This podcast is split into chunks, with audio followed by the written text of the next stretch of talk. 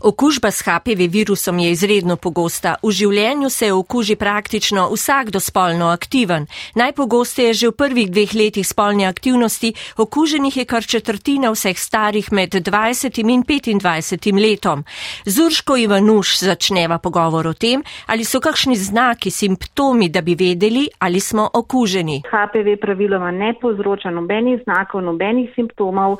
Posameznik ne ve, da je okužen in tudi okužbe ne znamo zdraviti. Se pravi, pravzaprav edina prava zaščita pred okužbo je zdrava in varna spolnost in tisto, kar je najbolj učinkovito cepljenje proti okužbi s HPV. Z, okužimo se večinoma ob spolnem neposrednem kontaktu, lahko tudi preko kože. Prenos je običajno preko, bom rekla, spolnih odnosov, vendar ni nujno, da prije do penetracije. Virus se nahaja tudi okoli spolovil in tudi kondom, čeprav pomembno zaščiti, ne zaščiti stotstotno, kljub temu ga priporočamo.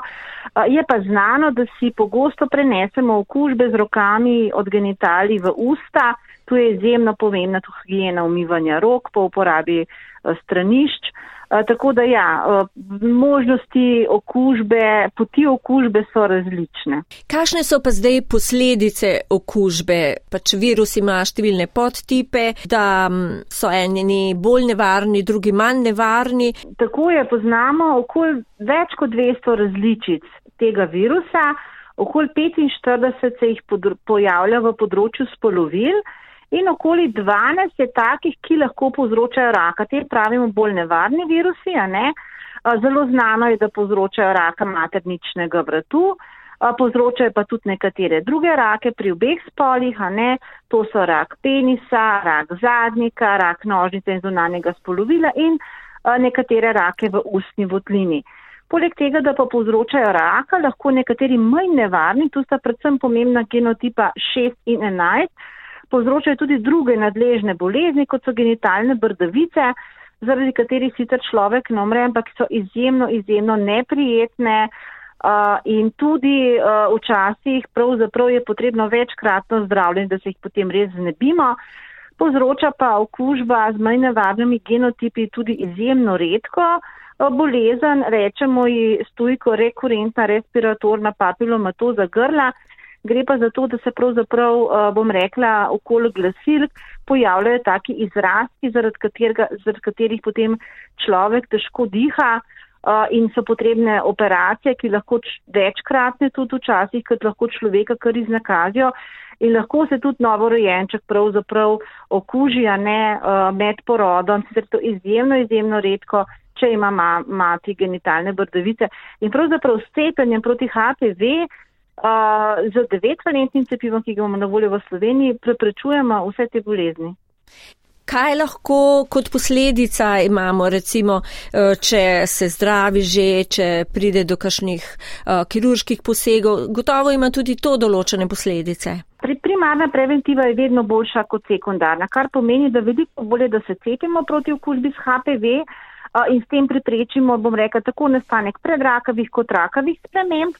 Eh, kajti tudi predrakave spremembe, če jih zdravimo, sicer smo pri tem zelo uspešni, ampak imajo lahko neke, bom rekla, neželene posledice pri raku materničnega vrtu, a ne, je tipično, da če zdravimo neke, bom rekla, eh, predrakave spremembe visoke stopnje in se naredi neka obsežnja konizacija, obsežen izrez eh, materničnega vrtu, pravzaprav lahko to pomeni, da bo ženska rabla med nosečnostjo uh, v bistvu cirklažo, ne, da bo maternični vrat treba nekako podvezati, zaradi tega, ker je tok kratek, da ne zdrži tistega pritiska ploda.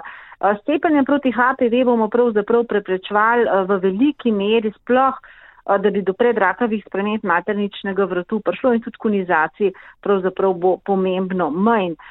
Je pa res, a ne, da tudi cepljene ženske še vedno potrebujejo uh, presejalne preglede v okviru programa ZORA, ki jih upravlja osebni izbrani ginekolog, tako bo tudi v bodoče, kajti s cepljenjem mi lahko preprečimo okoli 90 odstotkov vseh rakov, ne pa vseh. In zato je pomenilo tudi cepljene deklice, oziroma reka ženske, ne hodijo na presejalne preglede. In uh, v kombinaciji primarna in sekundarna preventiva, se pravi presejanje v okviru programa ZORA, in potem zdravljenje odkritih sprememb ter cepljenje proti HPV bosta v kombinaciji pravzaprav pripeljala do tega, da bo rak materničnega vrtu med prvimi raki, ki ga bomo uspeli odpraviti.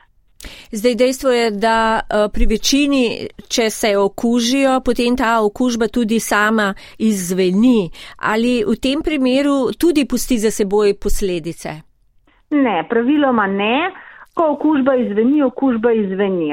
In uh, je pa res, da se lahko ta okužba nekako skrije v telesu, v teh celicah, ne bom rekla materničnega vrtu ali drugih organov, ki, ki so okuženi in potem kasneje tekom življenja ponovnoma pravzaprav izbruhne in jo ponovnoma zaznamo. Ampak tudi taka okužba, ki se ponovno pojavi z neke speče okužbe, temu rečemo latentna okužba, reaktivacija latentne okužbe, pravzaprav ne ogroža uh, človeka nič bolj, kot če bi se takrat na novo okužil. Je pa res, da s cepljenjem proti HPV mi lahko preprečujemo, bom rekla, okužbo, a ne. Ne moramo pa vplivati na take morda latentne okužbe, ki jih že imamo v telesu, zato je res pomembno, da se naše deklice in dečki cepijo pravzaprav po nacionalnem programu cepljenja, to je v šestem razredu osnovne šole oziroma čim prej kasneje, če se takrat ne odločijo. Zato ker še lovimo čas pred temi prvimi okužbami in v praktično vseh državah Evrope se približno te v bistvu času, nekateri celo mal prej še začnejo.